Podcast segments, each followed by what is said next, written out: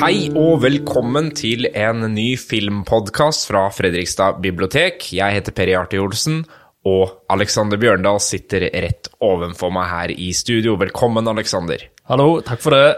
Og det er ikke vi som skal ha podkasten i dag. Jo da, det er det. Men vi skal ha overraskende vendinger. Plot twists. Ja. Så s- det store spørsmålet er jo da hva er, hva er egentlig forskjellen på en plot twist og en eh, overraskende slutt? Ja. Eller kan det være en og samme ting? Det er ikke så lett. Nei. Det er jo, standarden er jo at det, at det ligner litt på en novelle. Novellesjangeren har jo den derre plutselige overraskelsen. Noe som vrir helt om og snur alt på huet. Noe du ikke kunne forestille deg kunne skje. Og det kan jo være avsløring av en morder. Det kan være et element man ikke har tenkt over i det hele tatt. Eller det kan være noe som har ligget der i bakgrunnen hele tida, men som man kanskje liksom ikke har øh, tenkt over eller tørt helt å, å tro kan være sant. Mm. At det, at det forandrer hele filmen på et vis. Det gjør jo Handlinger. det. Ja. Mm. Og det er en veldig sånn øh, umiddelbar effekt. Ja. Mm. Man, man får den én gang. Den, den derre kjempeoverraskelsen på slutten. Den kommer jo ikke i en biografifilm, f.eks., hvor man gjerne vet Eller en øh, politisk øh, sak, en rettssak, hvor man kanskje vet utfallet allerede. øh, En sann historie. Men i en fiksjons, øh, et fiksjonsunivers så kan det jo være veldig effektfullt med en plot twist. Og det skjer som regel på slutten, er det ikke så? Det er jo ofte mot slutten, eh, men det er jo Det fins jo eksempler hvor plot-twisten kanskje kommer litt tidligere òg. nå vet jo ikke jeg hvilke topp tre-filmer du har valgt, så det er litt skummelt å begynne å prate om det nå. Ja. Men Get Out, som vi har snakka om før, har jo en, en plot-twist som kommer forholdsvis tidlig i filmen, og så utspiller seg liksom etterspillet. Der er slutten noe annet enn plot-twisten. Mm. Mens veldig vanlig er jo den der eh, de siste fem til to minuttene av filmen, så snus alt på hodet, man får noen overraskelser man ikke hadde sett for seg. Og noen ganger funker det jo kjempebra. Noen ganger så aner man jo ikke hva man har i vente, og blir virkelig tatt på senga og får en sånn fantastisk filmopplevelse ut fra det, hvis plot-twisten funker, da. ja. Og Eh. andre ganger så feiler det helt. Da feiler det helt. Ja. Klassiske eksempelet der er jo 'det var bare en drøm'. Ja, ja, ikke sant? Ja. Du har jo den eh, eh, Dallas, den TV-serien, som jo eh, en sesong eh, Det var en hovedkarakter som heter Bobby der. Bobby, eh, og han, eh, han drepte de i begynnelsen av sesongen. ja. Og så, kom, eh, og så gikk jo seertallene ned. Og så måtte de bare eh, s- få han tilbake igjen. Og da var hele den sesongen en drøm. Nettopp. Ja. Ja. Det er jo typisk. Det, er typisk. det var jo litt sånn man frykta med den TV-serien Lost en stund nå. Hvordan skulle man klare å oppklare alt det her? Og det endte jo et sted sånn midt imellom. ja. De var allerede døde, det var en drøm, det var Ja, altså Og der, er det, pl- ja, der var det mye plott. der, twister. der var det mye plot twists. Ja. Men vi skal snakke om eh, filmer, Mm. og vi har laga vår topp tre-liste. Jeg trodde dette skulle bli kjempelett. Jeg tenkte plot twist, ah, da har jeg den og den og den. Mm. Og så innså jeg at det det er jo hundrevis av filmer Mm. som har eh, overraskende gode plot twists. Ja. Ja. Ja, dette var veldig eh, en krevende oppgave. Eh, men eh, jeg tror jeg har tre gode her. Ja, hvor, hvordan har du valgt? Er det bare magefølelsen, eller med hjertet, eller hvor overraska du ble?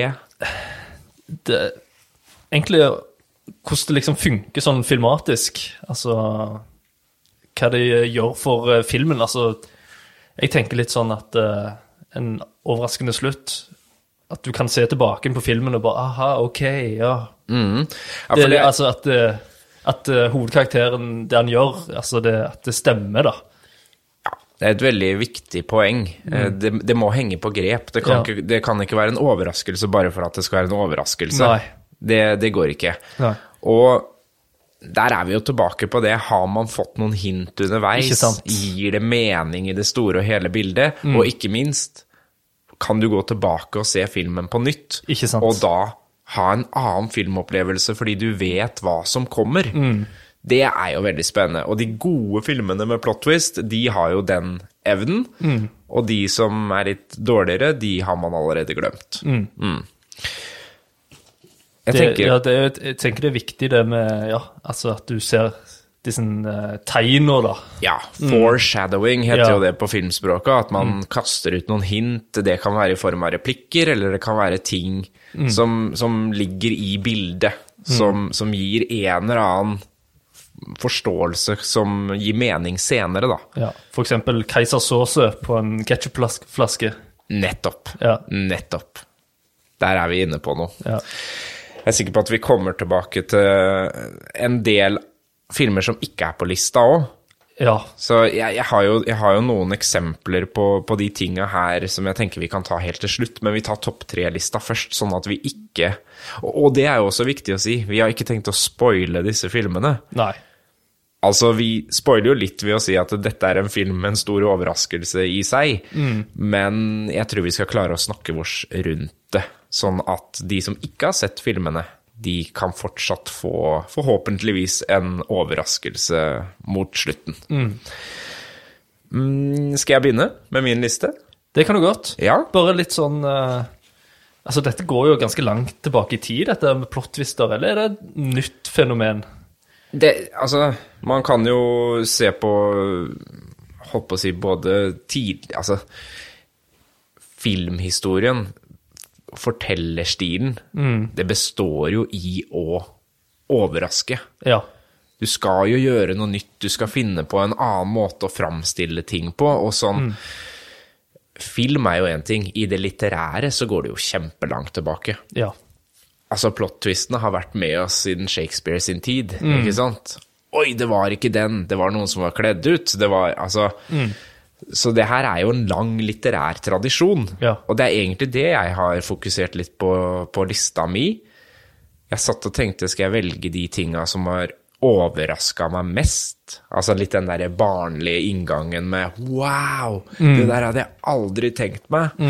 Men jeg har gått for litt mer eh, litterære overraskelser. Ja. Eh, og kanskje lavmælte overraskelser. Ikke nødvendigvis sånn hvor du snur deg i sofaen og sier 'what, var det han som var morderen?' Men litt mer eh, utspekulerte, kanskje, overraskelser. ja. Jeg Ja. har gått for litt av hvert. Veldig kult. Ja. Veldig kult. Og før vi begynner, så må jeg også bare si at det er jo et par eh, regissører, tre-fire, som, som gjerne har plot twists i, i sitt eh, autørskap, kan vi si. Jeg tror vi kommer tilbake igjen til noen av de. Det tipper jeg på. Jeg begynner på lista mi. Topp tre overraskende vendinger, eller plot twists, da, Mm. i eh, filmer. Min første film er en forholdsvis ny film fra 2016, men en regissør som vi har prata om mange ganger, nemlig Denise Villeneuve, Ja. og vi skal til Arrival. Å ja. Ja. Det Den var, har jeg ikke sett. Nei, Den har du det var ikke en sett. plot-twist. det var en plot twist. Ja. Det var en god reaksjon. Det Ja. var akkurat sånn reaksjon man skal ha etter eh, en film. Jeg var sikker på Prisoners der. Prisoners er jo et annet godt Mm. eksempel, da. Det, det kunne godt vært Prisoners, men eh, der har vi jo vært innom den på spenningsfilmer, Det har så vi. da, da tenkte jeg vi tar Arrival. Men her er vi jo allerede inne på det, da. Noen regissører har en hang til å velge Mm. eh, en stil som gjør at det fungerer med en overraskende slutt og vending.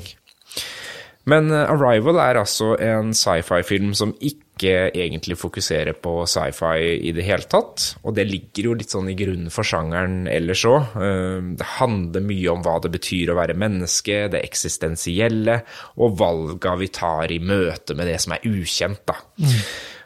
Og så er det tid. Tid er viktig i denne filmen. Hvordan tid både endrer seg og kommer igjen.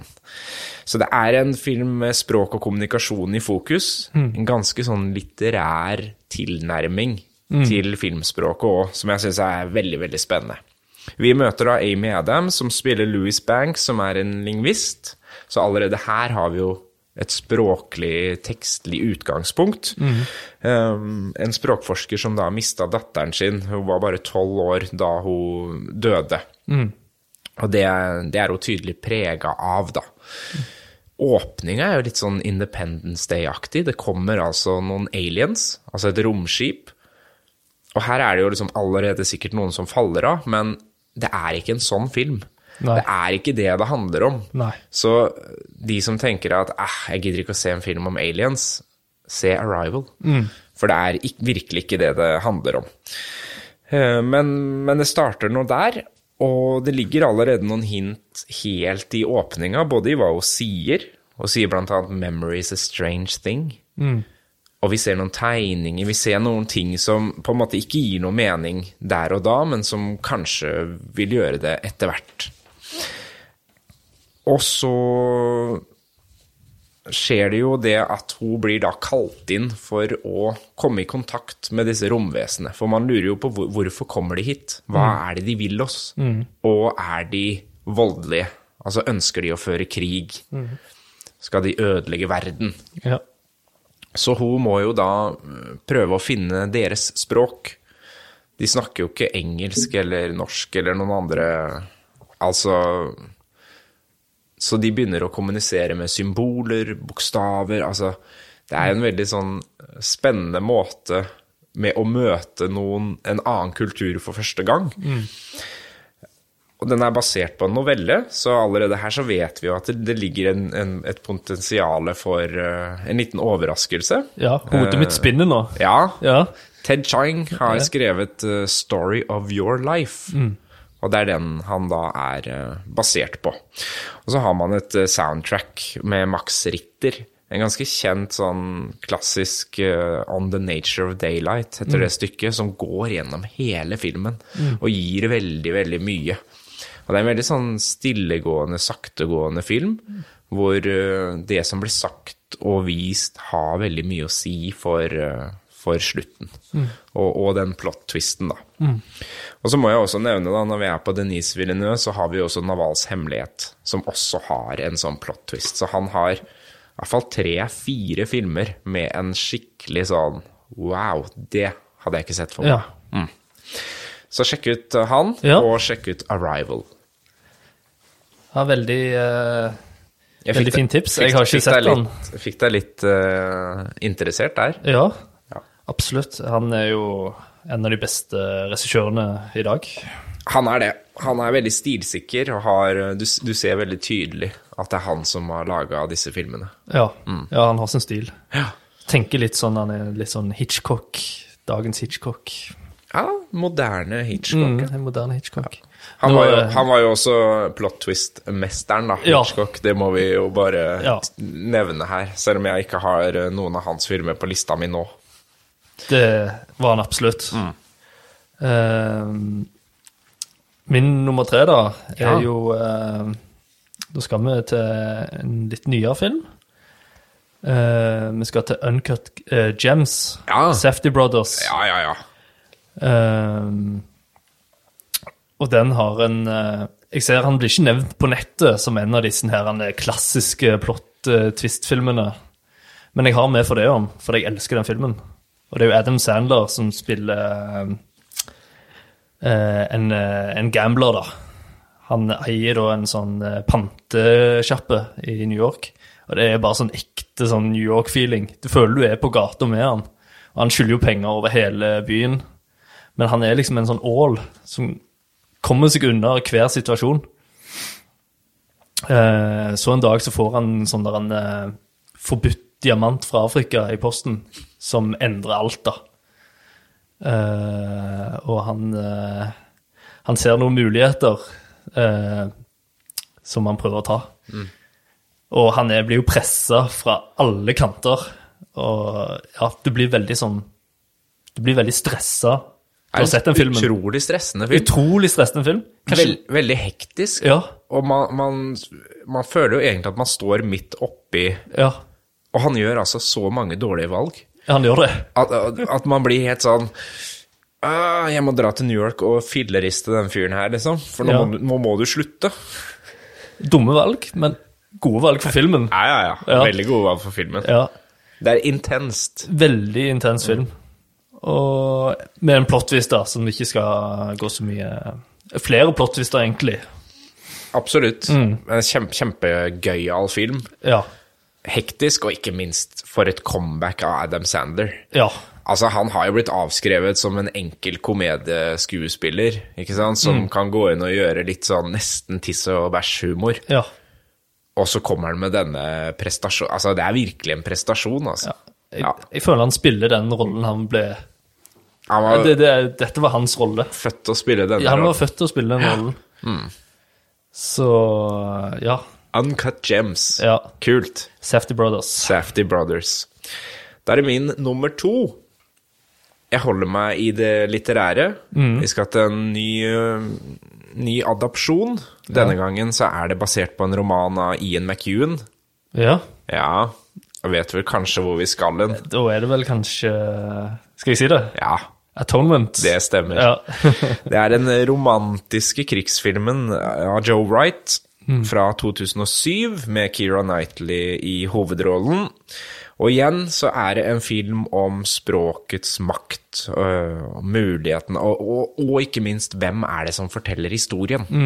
For det er jo også et grep man kan gjøre innen film. Det er jo å ja, kanskje forvirre seeren litt med hvem er det egentlig som eier historien. Men i hvert fall så møter vi 13 år gamle Broyny, som er spilt her av Saoirse Ronan. En av hennes tidlige filmer, som har eh, skrevet og skal sette opp et stykke under en familiesamling, da. Og er fast bestemt på å bli forfatter. Vi er i England i 1935. Og kusiner og sånn kommer også på besøk, da, så de er en hel gjeng. Og så etter hvert så ser jo Broyny noen ting som hun ikke skulle ha sett. Nemlig at storesøsteren og Robbie, da, som er hushjelpens sønn, de er i et par situasjoner som hun misoppfatter litt. Mm. Blant annet så har Det er jo tydelig at de har et forhold, det er noe tension der. Mm. eh, Og Broyny mistolker det eh, ganske kraftig. Og det får veldig store konsekvenser senere i filmen. Mm. Så allerede her så er vi jo i ferd med å begynne å spoile ting. Ja, så jeg skal, ja, ja. Ikke, jeg skal ikke si så mye mer enn at det er et godt utgangspunkt hvor også her musikken spiller en veldig stor rolle, for de har valgt et soundtrack hvor det hele tida går en skrivemaskin Ah, under musikken. ikke sant? En slags sånn marsjerende, så rytmen blir holdt av en skrivemaskin. Ah, Og Broyny er jo, hun skriver jo hele tida. Hun skriver om ting hun ser, hun skriver om virkeligheten sånn hun oppfatter den. Og altså, her er vi tilbake på hvem forteller denne historien. ikke sant? Og så eh, drives det jo over i en krigsfilm etter hvert, da, fra andre verdenskrig, med en del eh, reelle historiske hendelser som er fletta inn i fiksjonsuniverset. Ja. Det er jo Ian McEwan veldig, veldig god på, da. Klare å ja, både, både skrive om nåtida og om det som har skjedd, eh, og hvordan det har påvirka hverandre. Så det er, jo, det er jo blant annet en av de mine favorittscener, en one take-scene, altså hvor kameraet ikke klipper, men bare går i én lang femminutters sekvens som er en, eh, på en strand i Frankrike, som er eh, Det er til å ta pusten fra deg. Ja. ja. Er det hvem som har regissert den? Joe Wright heter Joe han. Wright. Mm. Ja, en engelsk regissør. Ja. De har jo laga litt eh, filmer sammen. Jimmy Kuhn og han? Eh, Ja, Keira Knightley og Joe Wright. De Ja. er liksom sånn Det er et sånt par. Ja, Ja. sammenbundet. Mm. Så han, han har mye for seg, han altså. Mm. Men jeg syns jo Atonement er eh, en veldig, veldig flott film. Mm. Det er jo litt sånn episk film. Det er en veldig episk film. Ja. En stor film som beveger seg over lang tid, over mange år, og da med Plot et- twist. Ja, Så det gjør han jo litt Absolutt. spesiell. Yes, det gjør den veldig spesiell. Ja. Eh, for vi ehm, jeg, jeg husker jeg så den på kino, Mm. og, og det er mer sånn Hæ? Enn Og det er veldig litt spennende. Mm. Det er litt spennende. Jeg vil ikke si noe mer enn det. Hvordan er det med liksom den skrivemaskinen som går gjennom filmen? Er det, liksom, eh, er det ganske tydelig at det er en skrivemaskin, eller legger du merke til det, eller Jeg la ikke merke til det første gang jeg så filmen. Nei.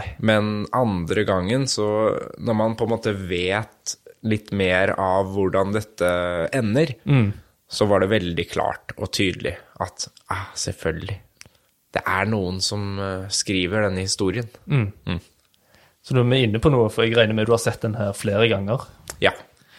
Så jeg tenker at det er en sånn Hvis det er en vellykka plottfilm, så vil du se den om igjen. Det er akkurat det. Da har du, ja, du har nesten lyst til å gå tilbake med en gang Ja. og se Men mm, hvor fikk jeg noe hint? Er det noe her som tilsier at jeg burde skjønt det?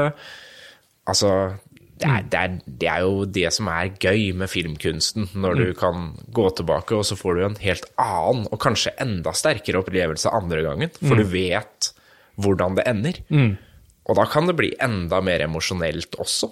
Så det er veldig, veldig spennende. Ja, da er det min eh, nummer to. Ja. Da skal vi nok mer i det liksom det En film som ofte blir nevnt som ja, helt i teten på, på hvilke sånn plottfilmer som er, er populære. Eh, vi skal til 1999, og vi skal til David Finchers Fight Club. Yes. Det var bra du hadde den med, Alex. Ja.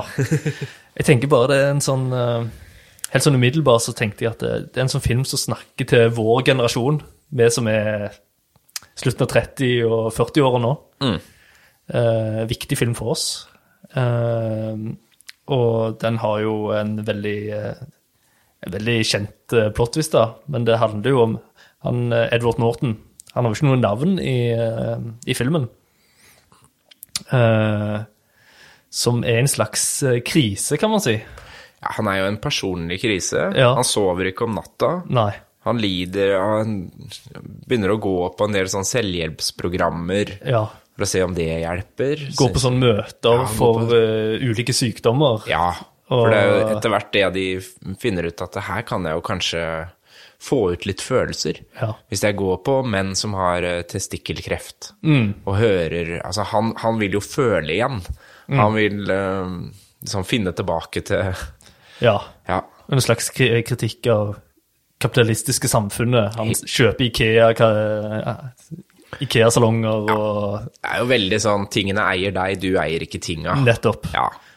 Og så, eh, på vei Han selger tydeligvis ting, da.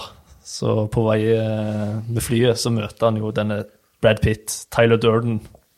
Tyler Durden. Og da tar jo filmen deg med på Ja, da endrer det seg Mm. veldig. Mm.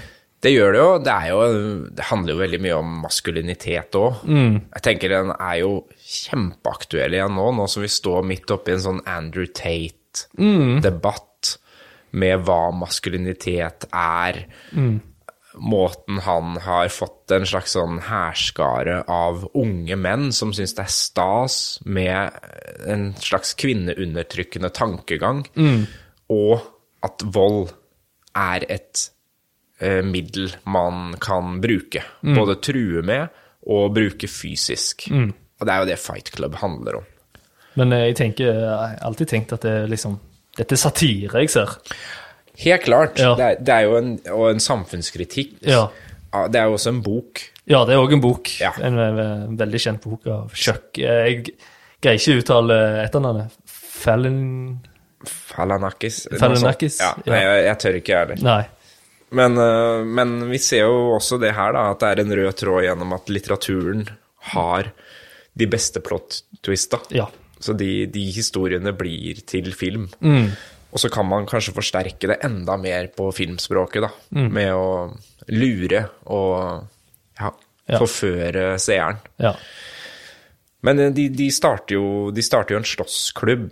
Det er jo, det er jo liksom det det basically handler om. ja. Um, hvor veldig Altså, menn fra alle typer samfunnslag ønsker å møte opp og slåss mot hverandre, Ja. rett og slett. Med noen enkle regler. Ja. Og der er jo Det er jo et uttrykk for at eh, vi menn ikke er så veldig gode til å uttrykke oss òg. han starter jo med terapi, hvor han prøver å fortelle om følelsene sine. Det gir ikke noe effekt. Og så ender han opp med å bruke de der liksom neandertalske jeg slåss, jeg slåss mot andre menn, og viser at jeg er sterkere enn noen. Al- Altså den plassen til den moderne mannen i samfunnet. Og det er jo regel både nummer én og to You do not talk about fight club. Nettopp. Og det syns jeg sier veldig mye. Det er jo det er det, det handler om. De, de eh, Terapirommene er for pyser. You do not talk about fight club. Det her er ren slåssing og det å hevde seg som mann som gjelder. Liksom. Ja. ja. Så den gjorde veldig Jeg husker bare når jeg eh, Jeg, jeg så den faktisk på kino. Jeg var for ung. Men jeg, eh, jeg kom meg inn på den eh, Fantastisk. Ja. Eh, jeg var nok litt for ung til å liksom forstå Ja, det var jeg òg. Jeg husker første gang jeg så den. Da masa jeg veldig på fattern om at vi må se den, for Mm. jeg var også altfor ung for det. Og jeg trodde jo det var en sånn Jean-Claude van Damme, Ikke sant? Mm. Sylvester Stallone, eh, boksefilm i ringen, Fight Club-film, Ja. og ikke en eksistensialistisk eh, maskulinitetsfilm. Nei. Så den har gitt mye mer mening for meg senere. Ja. Men twisten Ja, er en av de beste. det er det. Ja. Skal vi la det bli med det, da? Det tror jeg vi kan. Vi kan jo si det, når vi er inne på David Fincher, da, så Mm. er jo han en mester. En, en plot twist-mester. Han har jo flere filmer. Veldig mange filmer. Ja. I likhet med Denise Villeneuve og M. Night Shyamalan, for eksempel, som Ja. er liksom kjent for de tinga her. Ja. Så, så David Fincher kan man jo nesten alltid stole på at Mm. kommer med noe uventa. Jeg tenker sånn slutten av 90-tallet og litt ut på 2000 var det sånn storhetstid. Jeg lurer på det. Ja. Det var øh, Veldig mange av de filmene hadde noen sånne elementer fra midten av 90. Ja. 1990. Ja. Usual Suspects, øh, som vi nevnte så vidt her i stad, Ja. øh, er jo også en sånn film. Men øh, da skal vi ta min nummer én, Ja. og da skal vi til Sør-Korea. Ah. Ja. Og Park Chan-wook, 2003 og Oldboy, Ja. Mm. ja. som øh, for meg var et lite sånn sjokk når jeg så den. Ikke Spike Lee sin. Ikke Spike Lee sin oldboy. Nei. Ligg langt unna. Oda Soo, han blir eh, kidnappa og satt i et rom i 14 år uten å vite hvorfor. Hver eneste, altså, eneste han har i det rommet, er et toalett og en TV-skjerm, så TV-en står på døgnet rundt. Og han blir mata med friterte dumplings. Og that's it. Og vi følger han da en liten stund. Og han, han prøver jo selvfølgelig å rømme gjennom alle disse 14 åra, men det er, det er jo ikke mulig. Til en dag hvor han plutselig finner en løsning for å komme seg ut.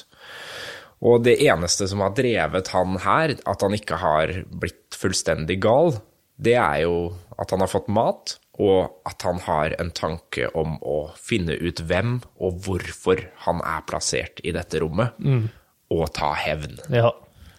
Så det her er jo den ultimate hevnhistorien. Det er virkelig i Tarantino-land. Ja.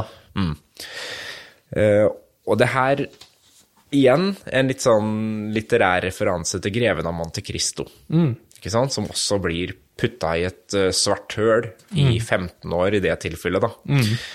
Og når eh, hovedkarakteren her begynner å nøste i trådene, da, så er det jo det, det første han finner, er jo denne dumplingrestauranten. Hvor har jeg spist dumplings fra? Ja. Og det, det vet han jo når han smaker dumplingen. Ja. Og, og der så er jo kundenummeret hans er bare satt under Greven av Monte Cristo. Så der er det en helt klar, klar referanse. Og der er det en annen sjokkerende scene, da, som eh, Hvor han rett og slett eh, Han kommer ut etter eh, 14 år i fangenskap, 15 år, og ønsker noe levende. Han vil ha kontakt med noe levende, Ja. og han spiser en levende blekksprut. ja. ja. Ikonisk eh, filmscene. En ikonisk filmscene. Det er mange ikoniske filmscener i Oldboy. Veldig sånn stilsikker. Det her var jo liksom Det var da sørkoreansk film virkelig gjorde sitt eh, inntog eh, på den internasjonale arenaen. 2003, da kommer altså han eh, Bong John-ho med 'Memories of Murder', Ja. og eh, Park Chan-wook kommer med 'Oldboy'. ja. Oldboy er den andre filmen da, i en hevntrilogi, som ikke nødvendigvis har noe med hverandre å gjøre, men som starter med 'Sympathy for Mr. Vengeance'. Og Lady of Vengeance. Ja, 'Sympathy for Lady Vengeance' er den Ja. siste. Ja, filmen. den siste. Ja. Mm. Og i de filmene her så er på en måte alle elementer med. Mm. Det er komikk, det er kjempespennende, det er et krimdrama, en etterforskning om å prøve å finne ut hvem har gjort dette mot meg, Mm. og det er liksom asiatiske, sørkoreanske kampscener. Ja, som også er eh, ikoniske. Noen fantastiske slåssescener. Som ikke er liksom Det er ikke for actionscenene sin skyld. Det er for å uttrykke hva disse karakterene føler og har opplevd. Og det syns jeg alltid er kjempespennende. når man man legger ikke inn som en sekvens for å underholde folk, man legger det inn som en sekvens for å fortelle noe om det som har skjedd Ikke sant? er veldig fint. Veldig fint. Men det er jo en jakt da, på, på mysteriet om hvem som har gjort det her mot han, og han møter da en ung kvinne som etter hvert blir dratt med i det mysteriet her. Og mer enn det kan vi ikke si. Nei. Nei, det er jo en veldig bra nummer én. Det er en god nummer én. Veldig bra. Ja. Det er- Oldboy og Fight Club er jo sånne som alltid blir Ja. nevnt oppi der. Så Og de har, jo, de har jo litt den samme mørke stilen over seg. Det, det fungerer jo, eller man forventer jo kanskje oftere i en litt sånn mørk thriller, ja. at det kommer en sånn wow. ja. dette hadde jeg ikke sett for meg, enn man gjør i en kjærlighetsfilm eller en komedie. Atonement, for eksempel. Ja. Mm. Atonement. Der blir man jo overraska på en annen måte. Ja, da er det min nummer én. Og det er kanskje en litt sånn overraskende nummer én, jeg vet ikke. Eh, Jeg, jeg er spent på om du har sett denne filmen. Ja. Eh, men vi skal holde oss i thrillerland. Eh, og det er fra en film fra 1990. eh, og den heter 'Jacob's Ladder'. Den har jeg sett. Den har du sett? Ja, Ja. ja, ja. Adrian Lyne. Yes. Eh, og den har en veldig Ja, den er jo kjent for å ha en veldig eh, plot twist, da. Eh, men vi følger Tim Robins eh, i hverdagen. Vi er i New York her òg, faktisk. Eh, og eh, han lever Han er Vietnam-veteran og sliter med liksom psyken og dårlig rygg. Så han går til kiropraktor, og det er alltid veldig sånn der han er morsomme, eh, ikke morsomme, men interessante scener med kiroprakten, for han er veldig sånn, gir han noen livsråd med på, med på kjøpet. Eh, han er postbud, eh, men så plutselig begynner han å se liksom Er det syner, eller han får sånne der, eh, skrekkfilmaktige blikk. Ja. Eh, og han tenker at ja, det er ok, Eh, jeg må til kiropraktoren igjen. Eh, er, det, er det virkelighet? Er det mareritt? Hva er dette for noe? Eh, og jeg vet ikke om jeg kan liksom si, eh, men eh, det, det- det skifter veldig fra liksom til å være sånn liksom hverdagslig eh, film, eh, postbud, og så tar det en veldig mørk vending, da med en, eh, en skikkelig plot twist. Mm. Bra og overraskende film du har valgt der, altså. Ja, det er en veldig eh, Ja. ja. Og, og veldig utafor radaren. Ikke den derre typiske eh, sjette sansen, the others eh, Ja, det er de som alltid kommer opp, som du sier, som eh, sånn klassiske plot twist-filmer. ja, den her er ganske overraskende. Og litt sånn der en eh, eh, Mange er uenige eh, hva som virkelig er, er virkelig her, da. Og det er, det er jo en annen holdt på å si, sjanger innen plot twist. Det er jo den åpne slutten. Der hvor man ikke er helt sikker på, og det kanskje er litt opp til deg sjøl. Det har jo også Oldboy i seg. Ja. man kan velge litt hvordan man opplever filmen. Mm. Og du kan se den flere ganger og tenke ja, i dag er jeg litt mer mot den sida enn mot den sida. Ikke sant? Ja. Det er en sånn film, da. Eh, og en slags eh, Vietnam-film. Ja, så den har jo noen krigselementer i seg, den Mm, også. krigselementer, Ja, den òg. Så han eh, Ja, litt sånn som Atonement. Mm. rett og slett. Så den eh, føler jeg er sånn eh, litt sånn under radaren, som du sa. Ja, den er det. eh, Jacob La Jacob's Ladder og Tim Robbins fra 90-tallet og oppover, så har han jo hatt en formidabel skuespillerkarriere. Mm. Altså så mange gode filmer. Selvfølgelig mest kjent i 'Frihetens regn', og, Ja. men hans prestasjon i 'Mystic River', for eksempel, Ikke sant. som er en annen film som også kan nevnes i en sånn eh, thriller-plot-twist. ja. Eh, der å komme plot-twisten eh, kanskje litt tidligere enn det man forventer. Mm. Så Ja, vi er kanskje inne på liksom eh, runners-upper eller Ja. eh, boblere. ja, boblere. Ehm, den ultimate for meg er nok Den sjette sansen Ja. med M. Night Shyamalan. ja. Han klarte liksom det grepet som gjorde at veldig mange hadde lyst til å følge opp og lage plot twist-filmer. Mm. Den her kom jo samme år som Fight Club, da, altså 1999. Så Det det, hadde- det var det store året for, Det var for det. plot twists. Ja. Mm. Um, og han har jo fortsatt med det etterpå, M. Night Shyamalan. I noen ganger veldig heldig, og andre ganger ikke så heldig. Mm. Med Unbreakable, med Signs, eh, The Village, eh, Lady in the Water Mange.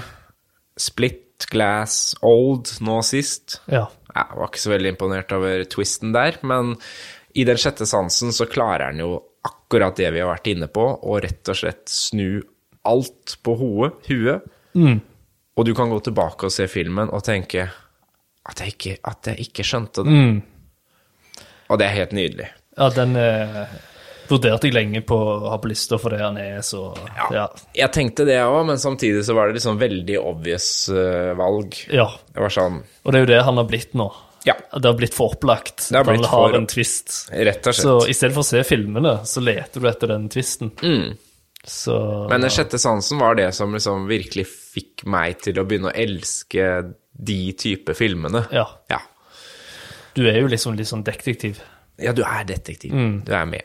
Og i forlengelse av den så syns jeg jo en annen skrekkfilm da, som er mer ren grøsser, eh, The Others, med Mm. Ja. Nicole Kidman. Kom noen år etterpå. Ja, det var et par år etterpå. Ja. Litt inspirert, litt i samme landskap, men også en sånn Da var jeg helt bl- sånn Hæ? Mm. What? Ja.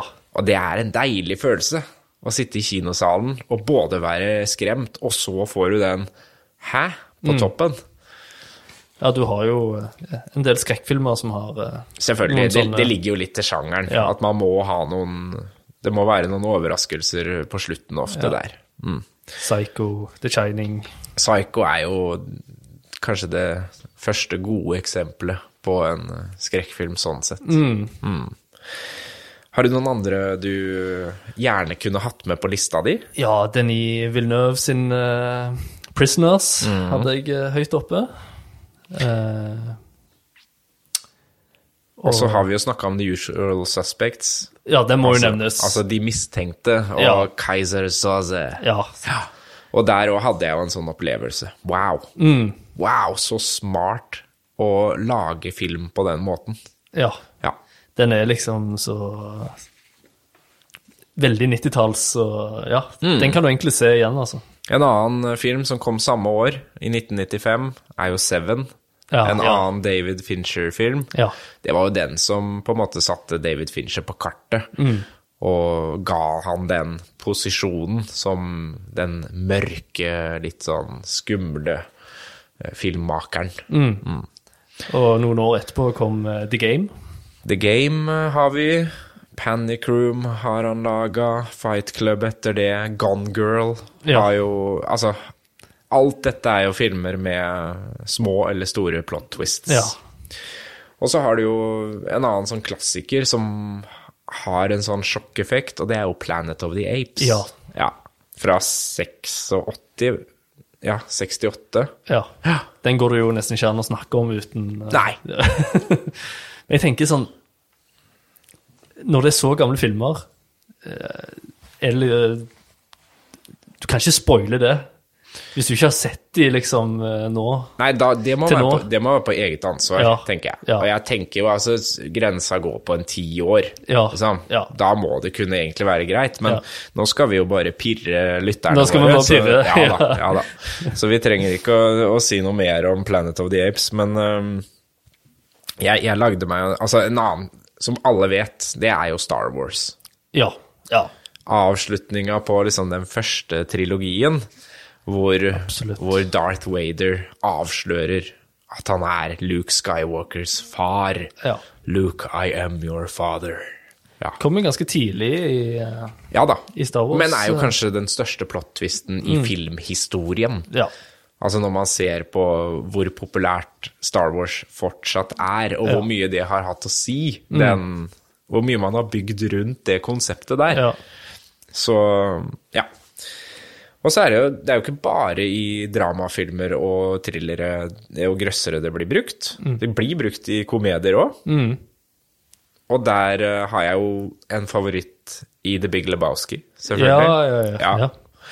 Der er, det er jo ikke plot twists på samme måte, men det er, det er jo noen overraskelser underveis. Og det samme i The Hangover. Ja. Første Hangover-filmen.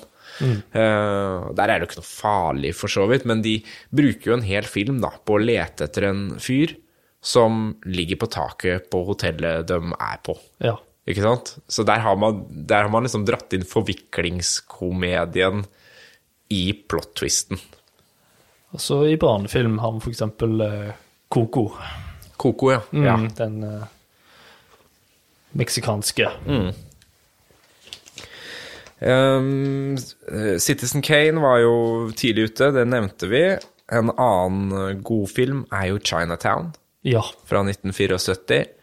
Den starta vel kanskje litt den der film noir, den mørke plot-twisten. Eh, der hvor det forbudte, eller det som man ikke tør å tenke eller ønsker å tenke på, kommer fram som en twist på slutten. Tenker vel at eh, David Fincher har sett eh, Chinatown. Det vil jeg tro. Ja. Han har nok studert eh, Chinatown ganske nøye. Men da har vi jo en god liste. Jeg tror vi har nevnt noen Ja da. Og vi kunne høyder altså, der, altså. Jeg satt og tenkte på det. Den episoden her kunne vi laga en fire-fem ganger med helt nye filmer hver gang. Ja. Ja. ja, det er så mange. Det kunne vært basert på favoritter, det kunne vært basert på største overraskelse, Mm. hvordan man sjøl har et forhold til filmen. Mm. Jeg gikk for det litt mer litterære i dag. Du tok en god blanding, En god blanding. Av, av klassiske, og også et par ganske overraskende, da, som jeg ikke hadde tenkt på. sånn Utafor Ja. plot Jeg trodde jeg twisteranet. skulle sette deg fast med den Jacobs Ladder, men den hadde du jo meg sett. Hadde sett den. Ja. Tror jammen jeg har den på DVD hjemme. jeg. Ikke sant? Ja. Jeg driver og rydder opp i Ina mener at jeg ikke trenger å ha så mye DVD-er hjemme lenger. Men øh, jeg har dem nede i kjelleren, da. Du har jo Så- cineast nå. Nå har vi cineast, Ja. så øh, en del av øh, filmene ligger jo der. Resten tror jeg vel nesten du kan låne her på biblioteket. Og hvis ikke, så fins de der ute. Det gjør det. Kom og spør oss. Hvis ikke, så kan du få låne DVD-ene av oss. ja, ja. Det fins alltid muligheter for å få sett øh, gode filmer med plot twists på Fredrikstad bibliotek. Det gjør det. Tusen takk, Aleksander. Ja, Vi prekas. det gjør vi.